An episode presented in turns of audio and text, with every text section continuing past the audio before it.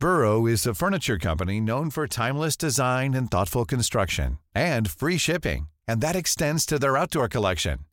Their outdoor furniture is built to withstand the elements, featuring rust-proof stainless steel hardware, weather-ready teak, and quick-dry foam cushions. For Memorial Day, get 15% off your Burrow purchase at burrow.com slash ACAST and up to 25% off outdoor. That's up to 25% off outdoor furniture at burrow.com slash ACAST.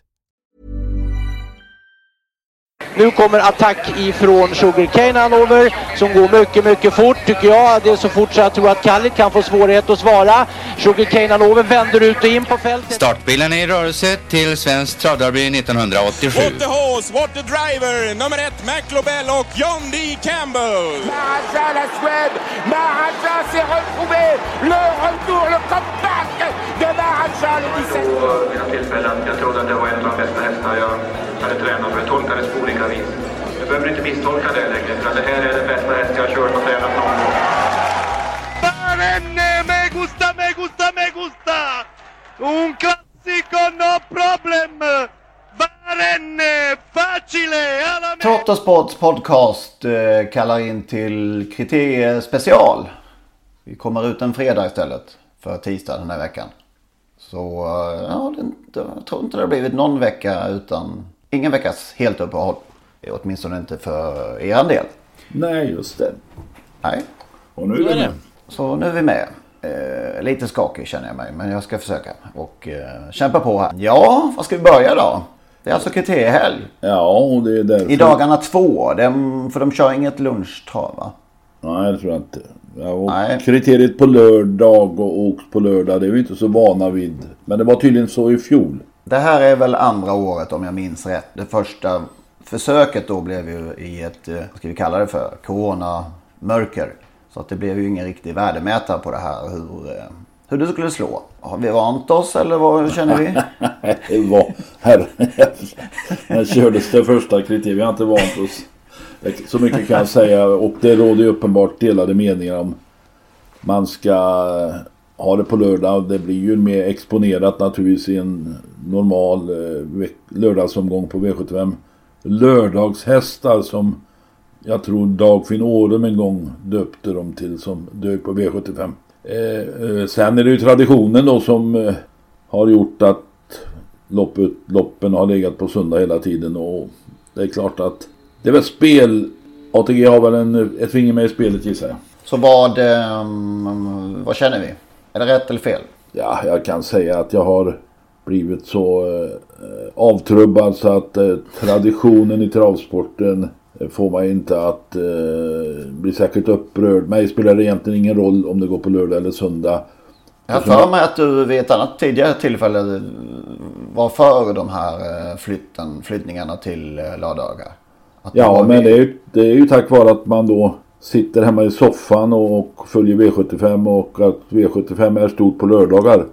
Men det är klart om jag skulle vara i Stockholm så kanske jag skulle gärna sett eh, att traditionens makt vid eller behölls. Här har vi då eh, frågan som ställer allt på sin spets. Eh, Storchampionatet på en lördag. Ja, det har ju också diskuterats eh, ett antal år och föreslagits eh, av flera. Jag tror till och med av eh, styrelseledamoten Olof Darius som också då skriver i, Falköping- eller i flera tidningar. Eh, Benny Ternemer brukar reagera på det där och resa sig på två ben eller ett ben kanske han har då. Eh, han tycker att det ska vara på söndag har jag för mig av traditionsskäl så att säga. Men det var det inte det det handlar om utan vad du tyckte. Ja, för mig är det givet numera att Storchampionatet ska gå på söndag. Av det skälet att då, kan, då åker jag dit och det är mycket mindre folk att trängas med än på lördagen. Nej, det är inte huvudskälet. Och de senaste åren har det inte varit något folk alls. Nej, jag tycker det ska vara den där söndagen faktiskt. Men när det gäller kriteriet så är det okej med lördagen. Ja, ja, om jag... Som jag sa, om jag hade varit i Stockholm och varit närvarande så hade jag gärna sett att det gått på söndagen. Men nu sitter jag hemma i soffan och då är lördagen perfekt. Vad tycker du Magnus? Jag har ju inte riktigt hämtat mig från eh, när eh, Lennart skickade dagens agenda, vår, vår avsnittsagenda och första frågan var är det rätt att kriteriet och Oaks kör på lördagen? Och jag tänkte vadå, går det på lördagen? Så jag... jag Vad jag roligt inte. också från, från Solvallas sida här. eh, Nu kommer jag inte ihåg vilket sammanhang det var. Men då skrevs det skrevs rent ut att eh, det här hände på kriteriesöndagen. Det kändes konstigt att skriva kriteriesöndagen när, den inte ens, när kriteriet inte ens körs på söndag. Heter den är ju- kriteriesöndagen alltså? Ja, enligt Solvallas egen, egna kanaler så gör den det. Ja. Ja, då Ja, är det inte fler ens inte de har eh, kommit på att det går på söndagar. Just det. Eller på lördagen. Exakt.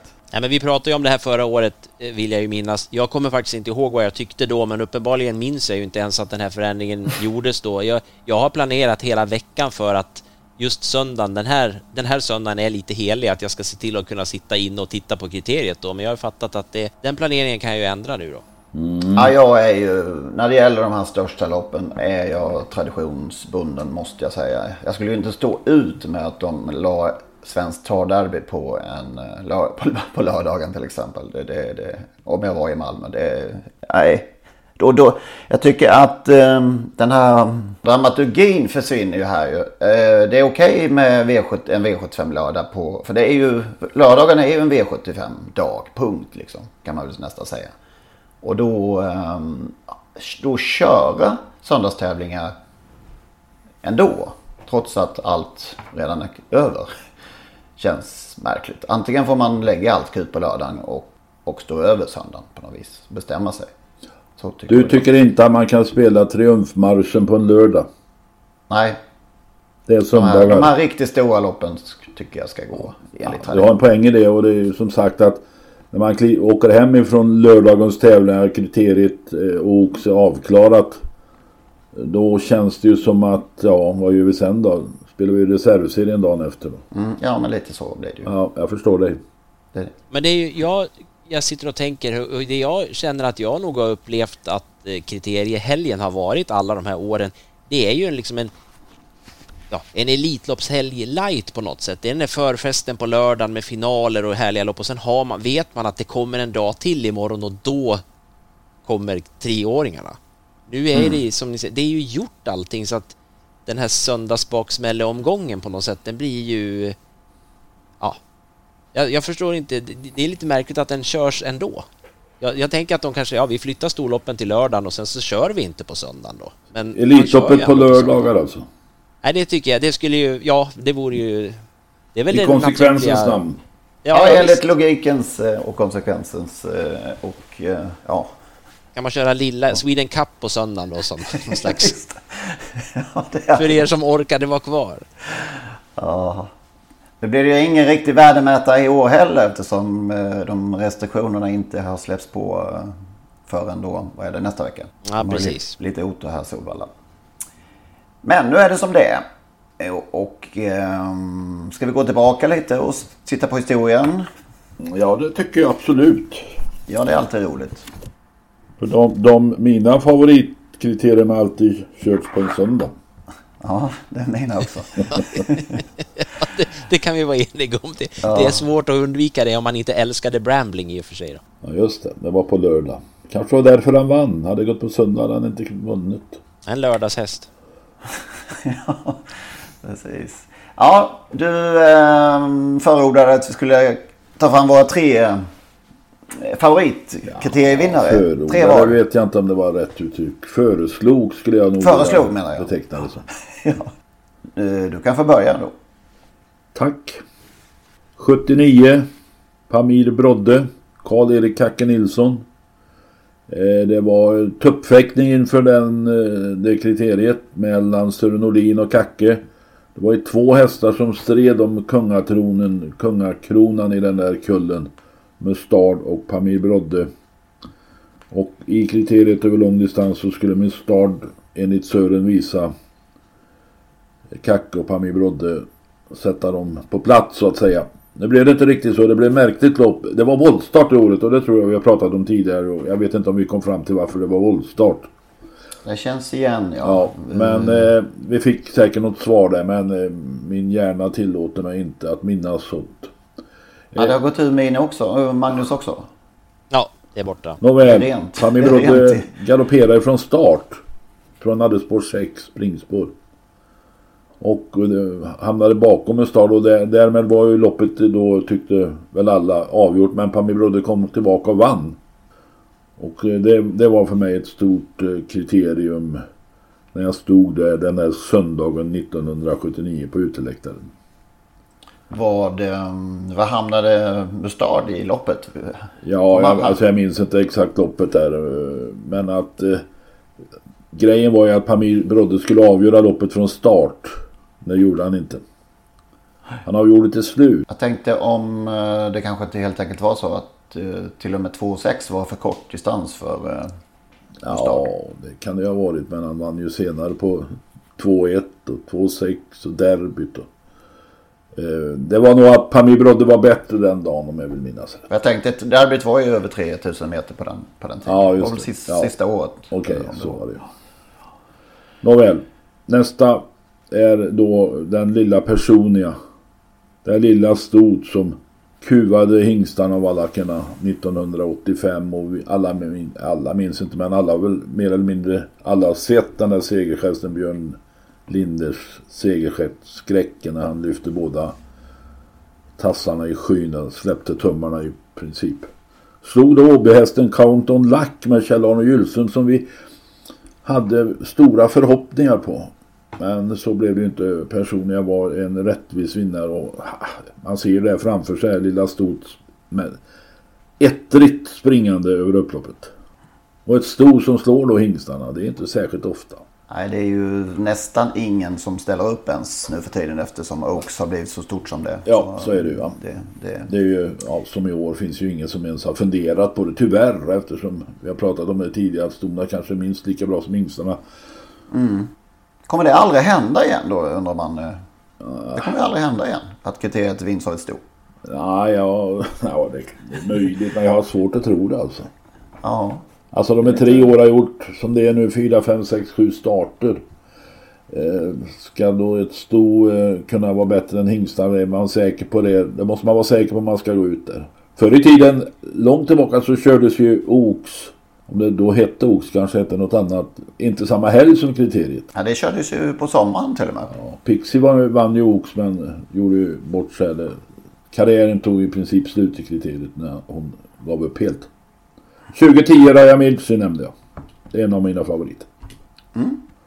Vad har du på i minneslådan, Magnus? Ja, jag, jag går tillbaka till 1984 där eh, det här skitiga kriteriet som eh, Mac the Knife vann.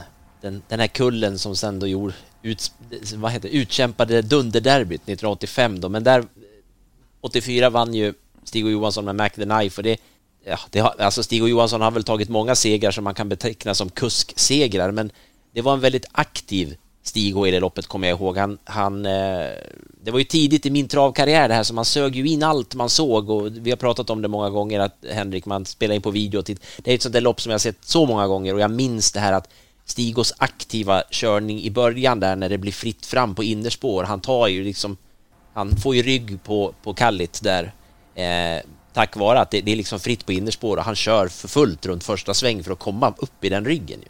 Och sen får han ju luckan 500 kvar när det var ju Kacke där också med skoter som gör en sån jättelång sida bara ute i fjärde spår och man tänkte oj han sveper alla och vinner kriteriet men det blev liksom lucka för Stig och han kommer ut och han avgör Kalit gick över i passgång och sånt där. Jag har sett det där så många gånger och det, den där, just den där kullen fick jag ju en väldigt speciell eh, förkärlek till på alla möjliga sätt så det där kriteriet är väldigt svårt att, att glömma bort. Sen eh, Vad, vad, eh, möj- möjligen ut på, eh, kommer vi att fiska på djupt vatten här nu, men vad tog Big, Big Spender vägen? I, han, han kvalade ur sig alltså? Eller var Jag minns faktiskt inte det. Jag Nej. minns ju, jag har pratat om det förut, att Big Spender i början av den, alltså treårssäsongen var han ju hos Bullen, Per-Erik Pettersson. Ja, just det. Sen försvann han ju, i mitt, för mig försvann han bort ur kullen och dök sen upp igen hos Bert Johansson och kom tillbaka för att han var ju ett löfte ju. Eh, Men jag kan inte historien om Big Spender, jag minns inte vad som hände däremellan men, och framförallt Nej, inte runt kriteriet. det- Något vagt minne av att han felade bort sig i kvalet faktiskt när du säger det, men det, nu är det djupt vatten, du sa ju det. Så att... Nej, men jag hoppas Var det inte till- så också att med Stig och ryckte skorna på Mac the Knife? Det kanske var så. Det, det var att före den här tiden när jag hade fattat att man kunde göra sånt. Ja, jag, det, jag höll på och lärde jag, mig att Jag hade ingen koll då. Det, det. Vad hade han för huvudlag? Han hade jäkligt stora stänkskärmar på sulken i alla fall. Det hade ju allihopa, de här gamla Ja. grötskålarna som de hade på. Just det. Sådär.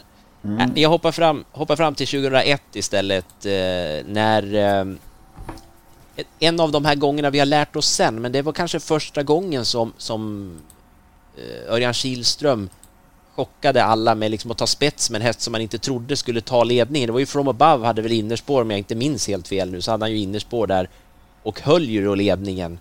Du och minns vann ju sen till... Minns jag fel? Ja, de, han hade, han, hade- jag, jag, jag hade nämligen spelat på honom. Och eh, han, hade, han hade spår en bit ut i banan. Jag kommer inte ihåg om det var 3, 4 eller 5. Ja, men var det så pass? Ja, du ser. Första helstängt eh, var det. Ja, han hade... Ja, Åh, nu kom vi där. Ja. Härligt. Jo, men det var mycket sådana grejer. Så var det naturligtvis. Han chockade inte med att hålla ledningen från innerspår, utan han chockade med att ta ledningen överhuvudtaget och sen var, släppte han ju ingen. Han hade spår 6, du har helt rätt. Gigant Nio var ju med i, i samma lopp bland annat, också en spännande kull ju. Men, men eh, och vi kommer, jag kommer att återkomma lite till det, men det var ju stor show för eh, Stefan Hultman det där året. Han hade ju presskonferensen i, i pressrummet på Solvalla med en stor marsipantårta som Valla hade ordnat som stod där. Så det var den jag var mest nyfiken på. Nej, men det var ju en otroligt glad Stefan Hultman minns jag den dagen. Det var det pojkdröm upprepade han ju jättemånga gånger då. Jag tror det var då han myntade det, det att allt var Men eh, pojkdröm. det var ju dessutom den dagen då han vann både Oaks och ett Ja, T1. exakt. Eh, Vann med Precis. Pine Dash också. Nej, och sen... Alltså han eh, gav sen- nio gånger om jag minns rätt. Ja, exakt. Och det, är ju, det var ju lite smärtsamt där. Jag, jag kommer ihåg att jag hade... Jag trodde ju på Gigant Neo, trots, att trots att han var favorit. Men, men eh, jag trodde på Gigant Neo, kommer jag ihåg. Och sen kände man sig så snopen, för det var ju... Det var ju verkligen en växel till på From Above och då var han ju oerhört bra. Sen eh, kan jag inte gå förbi sen och hoppa fram, höll på sig, i nutid, men... Eh, jo, jag måste säga det förresten. Eh, det här 2001, då körde man ju faktiskt kriteriet i september. Den 30 september och då tänkte jag, var det första gången då de körde i september? Men det var det inte, det var tydligen bara tillfälligt, för året därpå så var man tillbaka första helgen i oktober igen. Men man provade ju även 2001 uppenbarligen. Eh, jo, jag hoppar fram till 2015, Readly Express. Bortsett från att vi vet hur bra Readly Express, eh, Readly Express blev sen och så vidare, men den prestation, alltså hela uppenbarelsen han vann på 12 och 8, det var ju lite overkligt. Nu har de ju bara springa fort de här treåringarna, men det där liksom under 13 på kriteriedistans och... Nej, det var en häftig prestation. Det är Nurmos sju, sju- en av sju kriteriesegrar för Nurmos. Är det så jävligt alltså? Ja. Ja, Men han bara vunnit Oaks en gång. Ja ja. Du snodde ju ett av mina där Magnus såklart. From Above är ju en av mina favorithästar genom alla tider. Eh, och eh, det var, ja, det var en speciell dag det där ju. Eh, den extra växeln som drogs där som du nämnde. Och, ja, han fastnade ju verkligen i travhjärtat den dagen. Jag tycker när man ska, liksom leta ut sina favoriter så det är nästan så att man måste vara på plats känner jag eh, för att få den där känslan. Men eh, i Ina Skott då var jag inte på plats så den, den, den, det är något speciellt ändå med, med det där 93 va. Eh, när eh, Kjellpi håller show både i loppet och efter loppet och, och innan loppet också. väl. Det var 92. Jag vill inte 92 förklara något. Det var det. 92. Sogin vann ju 93, men precis. Och den här intervju, det här Sportspegel, unika Sportspegel-inledningen bara med en Kjell-P Dahlström, ingen vignett, han bara helt tyst, eller bara Mm. Kjell-P's röst där. Ja, det var fantastiskt. Sen är det 93 faktiskt. Det var mitt första på plats när Sogin då slog igenom i... Eh, på den svenska travhimlen får man väl säga. Han hade ju inte gjort sig allt för märkvärdig innan dess. Fem Hertig Sund länsar undan i täten. Framme som andra nummer åtta Sugin. Invändigt har vi nummer nio Picaroon. De kommer här då i mitten av slutsvängen i utvändigt andra par nummer ett Butterknife invändigt sen nummer 10 Temper Tantrum. Längre ner försöker också nummer 11 King Lavec. Fem Hertig Sund kommer först in på upploppet.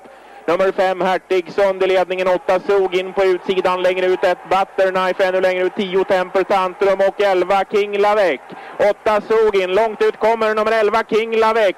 Invändigt nio Picaron, 8 Sugin, Åke Svanstedt, 11 King Lavec, Johnny Takter. De kommer här och det är 8 Sugin men det är hårt i mål. Ja, som sagt. Slog helt igenom i kriteriet. när Han vann till hur mycket odds? Gjorde 20 gånger, det glömmer jag aldrig. Jag hade inte Nej. spelat, men det glömmer jag aldrig liksom.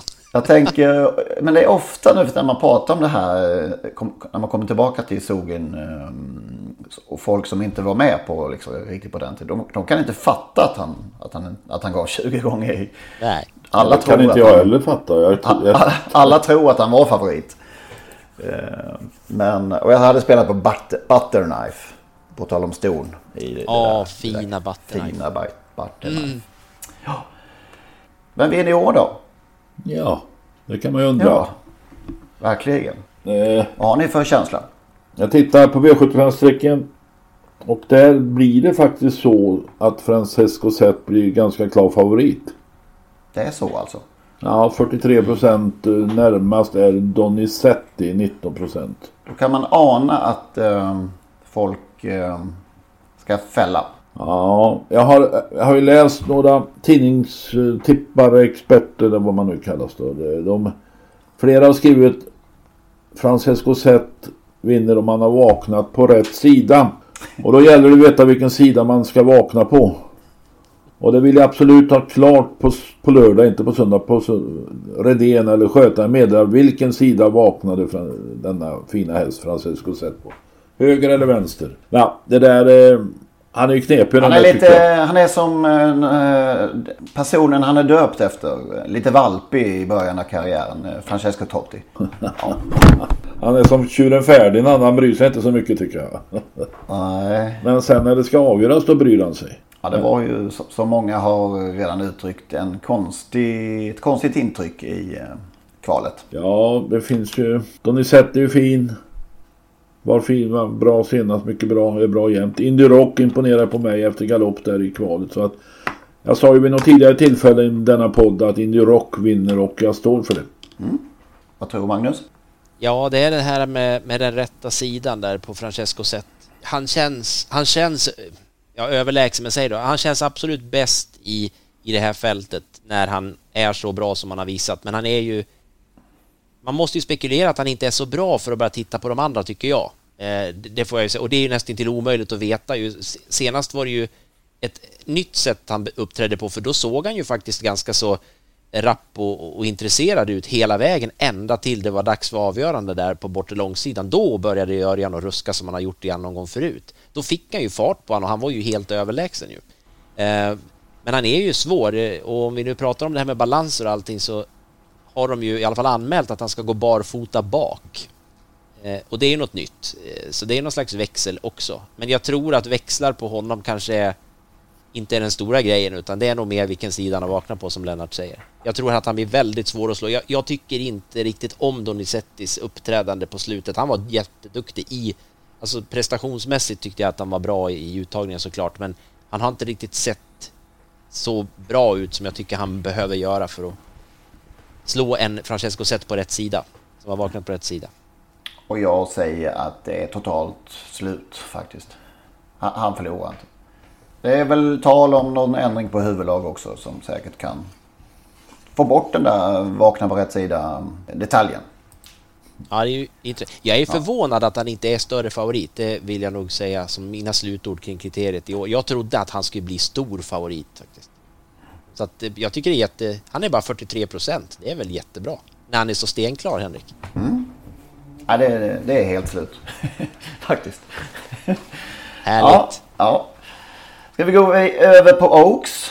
Till uh, våra minnen först. Ja, jag tar tre stycken där igen då. 2000 Juanita. Jim Frick Juanita som jag gillade.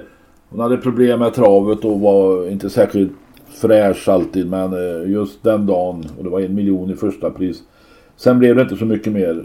Eh, hon sprang väl in ett par hundratusen till för att efter, efter Oaks så, så eh, var det färdigt i princip. Och så 20, det var 2000 sa jag så. 2012 Fascination. Ja det underbart läckra stod hos Lars Nilsson som vann med Johnny Takte var det väl. Och 2000, ja och hon blev ju också flerfaldig miljonär Fascination.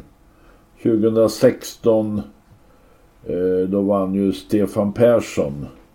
Vad heter hon nu då? Meras? Eh, Darling. Darling Meras ja. Och det var Henne hade jag nämligen också. Ah, ja. Det var ju en läcker uppenbarelse. Och en kul, eh, kul seger. Stor seger för Stefan Persson. Det är lite roligt när de lite mindre tränare också vinner. Hon försvann ju till USA sen och gick väl hyggligt där. Hon vann förresten EM för Ston innan hon försvann till USA och vann tre lopp för Åke Svanstedt. Eh, men det kanske inte blev den utvecklingen i USA som ägarna hade hoppats. Men det är klart att de här unghäst, eller de här säsongerna i Sverige hade väl slitit ganska hårt. Punkt. Yes. Ja, jag tar vid eh, och går tillbaka till 1998 till dalahästen Pine Princess som ju... Vad heter han nu Nisse? Nisse Sylvén. Ja, Sylvén ja. Det var, det var ju en följetong där i unghäståren med Pine Princess. Det var, var ju speciellt. Vi var stolta. Jag bodde ju, som jag gör nu förvisso också, i Dalarna. Det var, det var en dalahäst som vi var väldigt stolta över. Ehm, det var ett, ett kul ekipage, eller ett roligt, helt, helt roligt gäng det där. Sen ehm, eh, hoppa fram då till det här Oxet där vi åt tårta med Stefan Hultman efteråt. Pine Dust 2001. Det, eh, när, hon, när, hon, när hon var som finast, Pine Dust, så var ju en väldigt härlig, härligt stor. Eh, så det är svårt att, svårt att glömma. Sen tycker jag det är Sen tycker jag att det är eh, svårt liksom att plocka fram. Jag, jag, jag fastnade lite för en, en senare vinnare igen, Konrads Rödluva, mycket för att det det var en häst som jag tyckte väldigt mycket om och den kärleken börjar väl någonstans där runt Oaks. Eller ja, som treåring direkt när hon visade sig så att eh, det är mycket Örjan Kihlström här. Jäklar ja, tre stycken Örjan här. Men han har vunnit rätt många gånger. Så Örjan fantast. Ja, jag, jag, blev avslöjad där. Henrik ja. då? Ja, men då eh, blir det, det blir, här blir det inget, inget Örjan.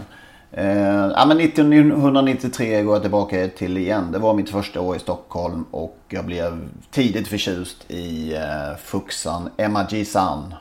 Hon var ju till att börja med kanske inte kullens bästa sådär, men hon, jag gillade hennes mysighet på banan och Stall Traviatas vackra dress med stigor där. Och, så hon fastnade i mitt hjärta. Jag blev väldigt glad att hon vann Oaks. Eh, för jag vet inte om det var före, men favorit var väl Handbag för Stig Lindmark. Men eh, det blev Stig som fixade biffen.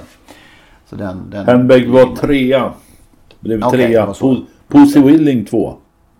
Alltså Emma Gissan var ju en dotter till Pixie som vi prat, nämnde tidigare och som klappade ihop i kriteriet och hade väl ingen jättestor framgång i aveln. Hon var väldigt svår att få dräktig.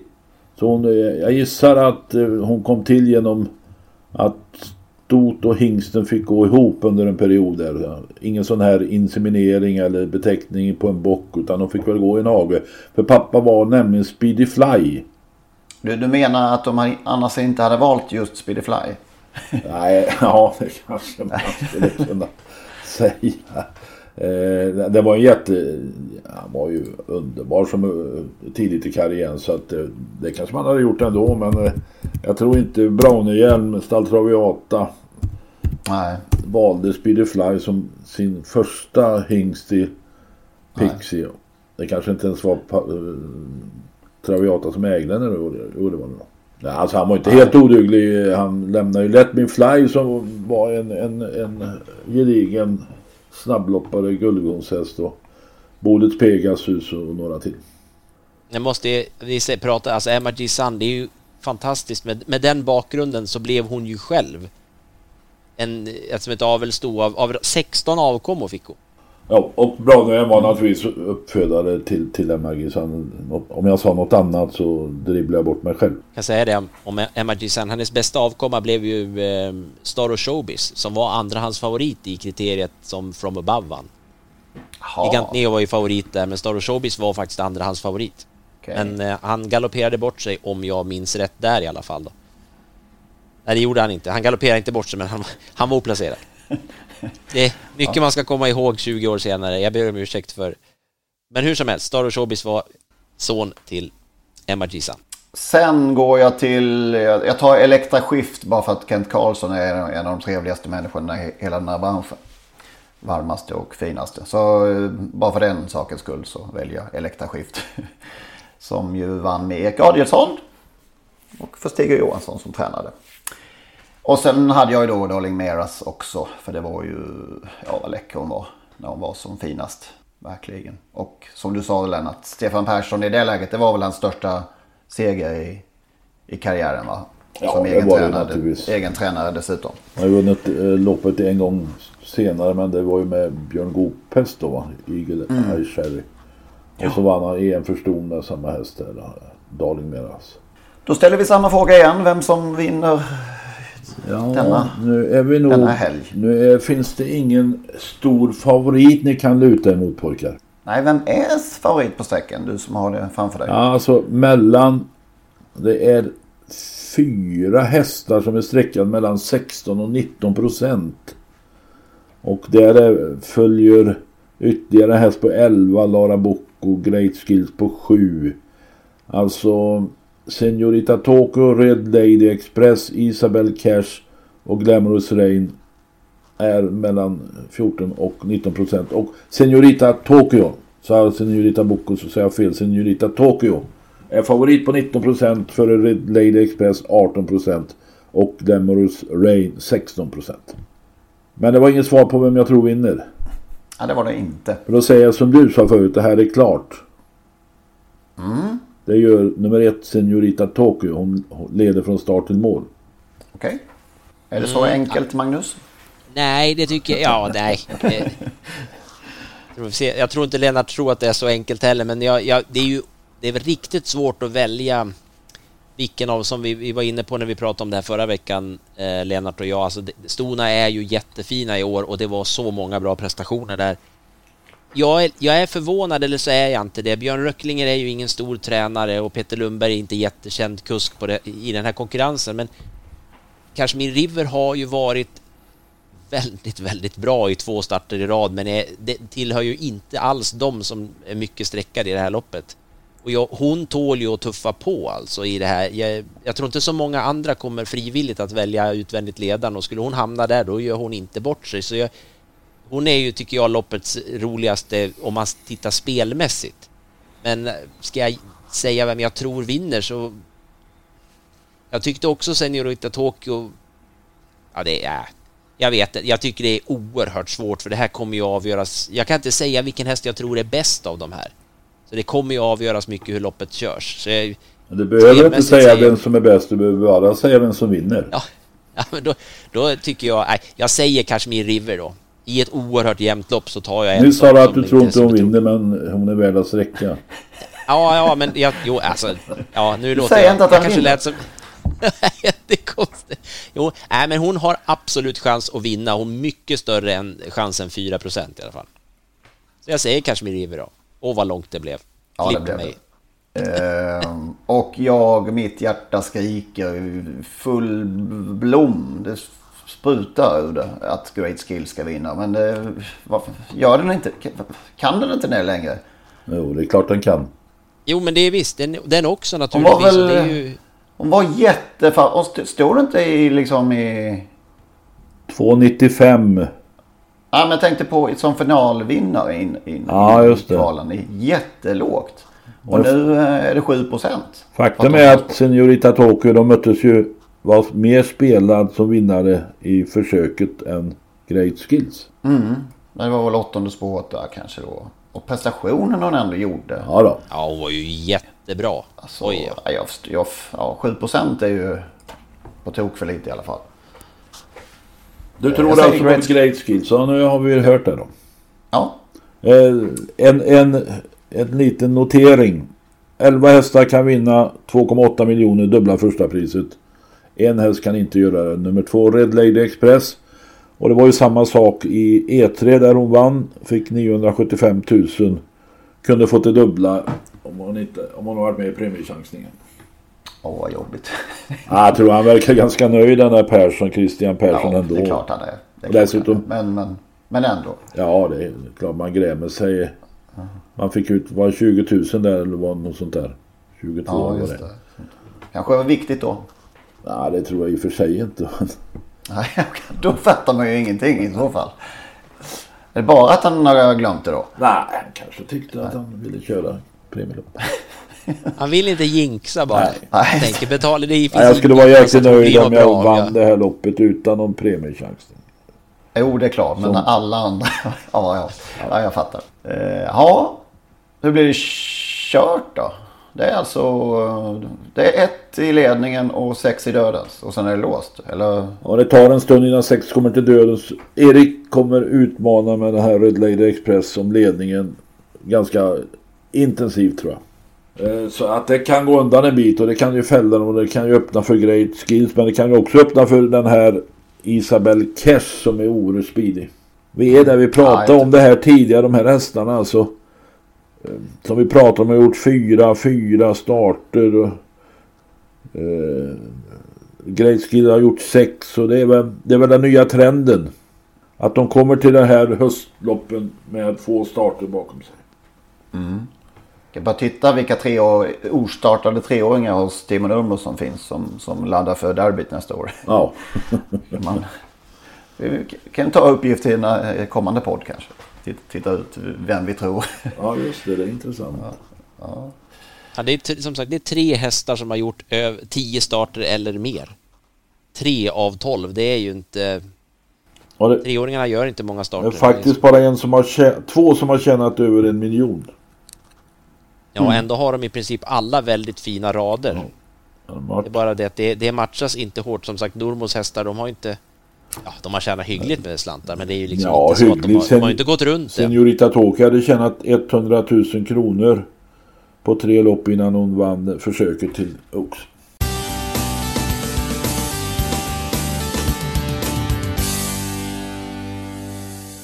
Vi tar lite snabb eh, variant av loppen, uttagningsloppen då till Europaderbyt och Walter Lundbergs. Nu får du ju se.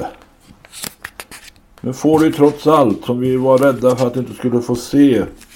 Ja, du var lika rädd du. väl? Nej, jag var inte det minsta rädd. Jag var, trodde nog faktiskt... Ja, det ska jag säga att jag inte trodde att, att det var sluttävlat redan nu. Men eh, att det kan vara sluttävlat eh, efter det här året eller i början på nästa år kan mycket väl vara. Calgary Games pratar vi om naturligtvis.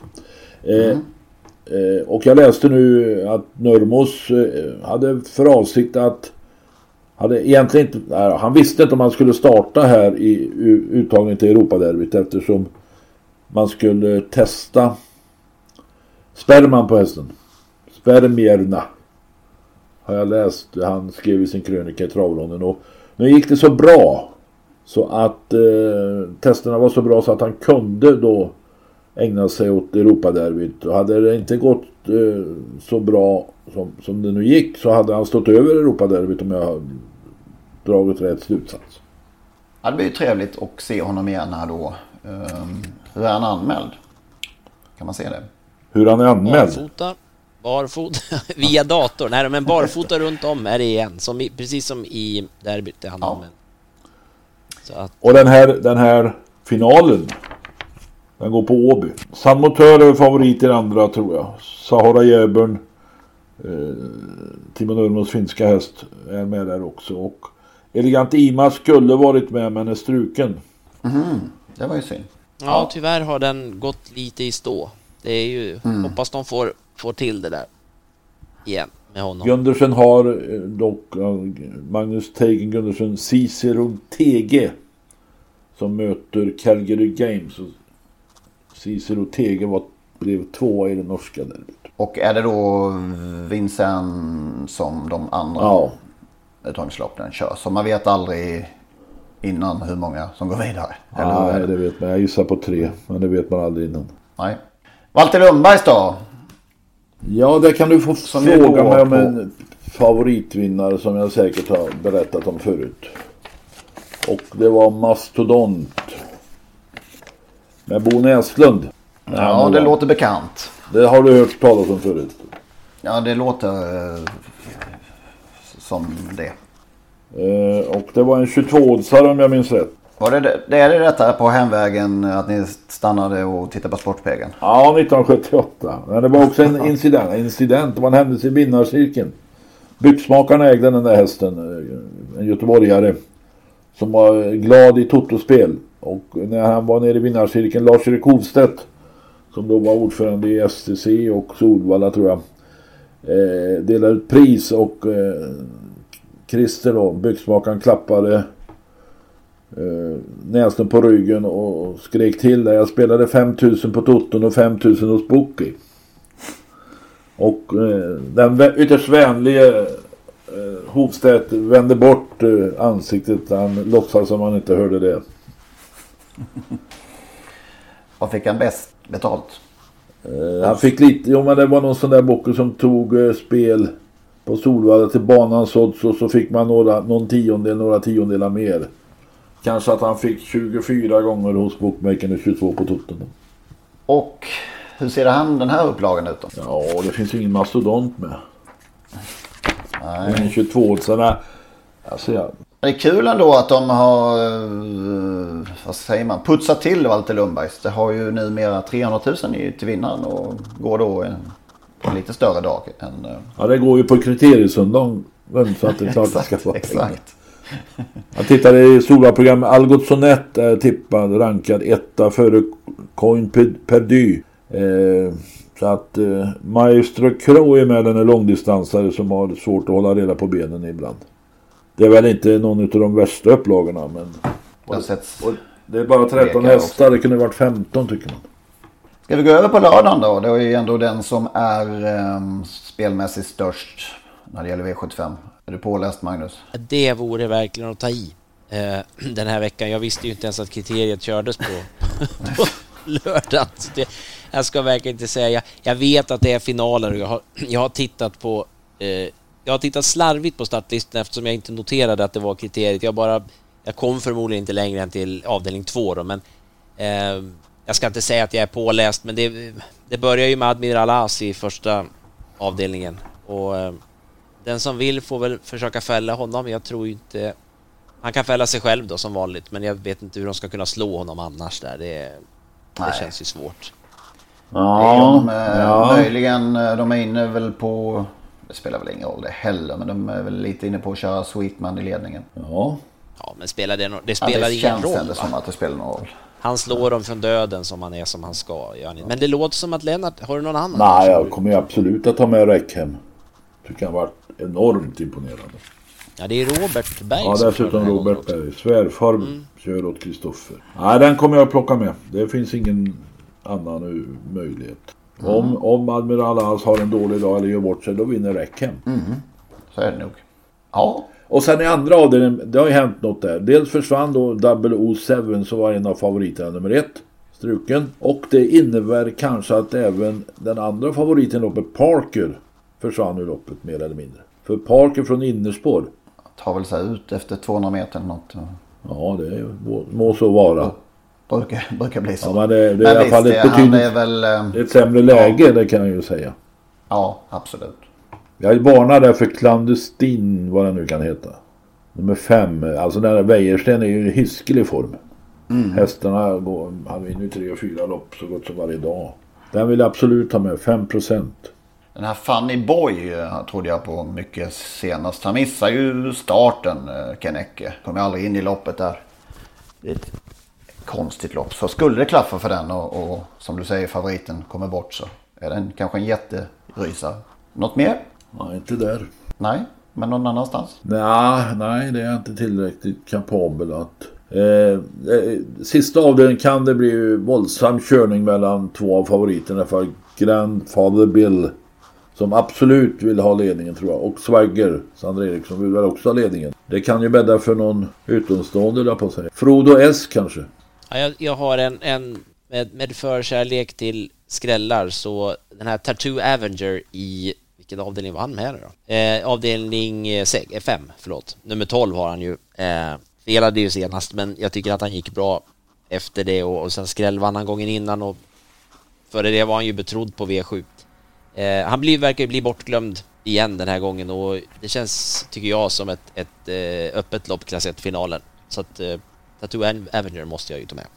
Vad är eh, den här Ivan Boko sträckad på? 6 procent. Han är sträckad på 6 procent. Menar du att det, är han klar? Lika klar som Francesco Zet?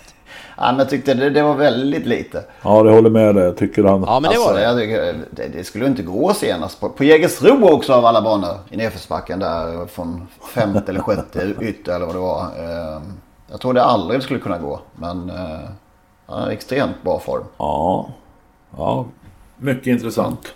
Och så vinner ju 7% Great Skills då. Ja, och Francesco Zet.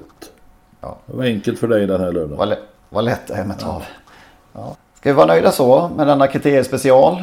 Så Absolut. ses vi eh, förhoppningsvis på tisdag igen. Då kan det vara så att eh, Propulsion-ärendet har eh, landat i stad då. Att vi har fått en Ja, det, det borde vara så. Att den Om kommer de håller under fredag. tidsram, den tidsram som är utpekad. Just det. Så Ja, vi är väl uppe i den där månaden va? Från och med idag när det här avsnittet eh, Ja. går att lyssna på. Imorgon är Så, väl om fyra veckor. Då. Låt mig också säga att mannen, den store mannen i europeisk travsport, Jean-Pierre Dubois kommer till Jägersro och kör lopp på tisdag. Ja, det är otroligt. Det är, vad är det? British Course Ja, försök för tvååringar. tvååringar eller? Fascinerande att Ja. han åker. 81 år, ja det är underbart. Han har vunnit 20, han har vunnit 20 lopp i år, något sånt 12, ja. 20 Man skulle lopp. ju kunna skicka vilken ungdom som helst upp och köra. Nej, han tar det själv. Ja. Cigaren i munnen. Malmö, Ja. Malmö är vackert i slutet av september. Det måste ju vara det han har hört va? ja, det måste vara det. Enastående. Måste upplevas alltså. Fint, fint. Ha det så gott! Hörs vi om några dagar igen. Hej. hej. Hej hej! Hej då!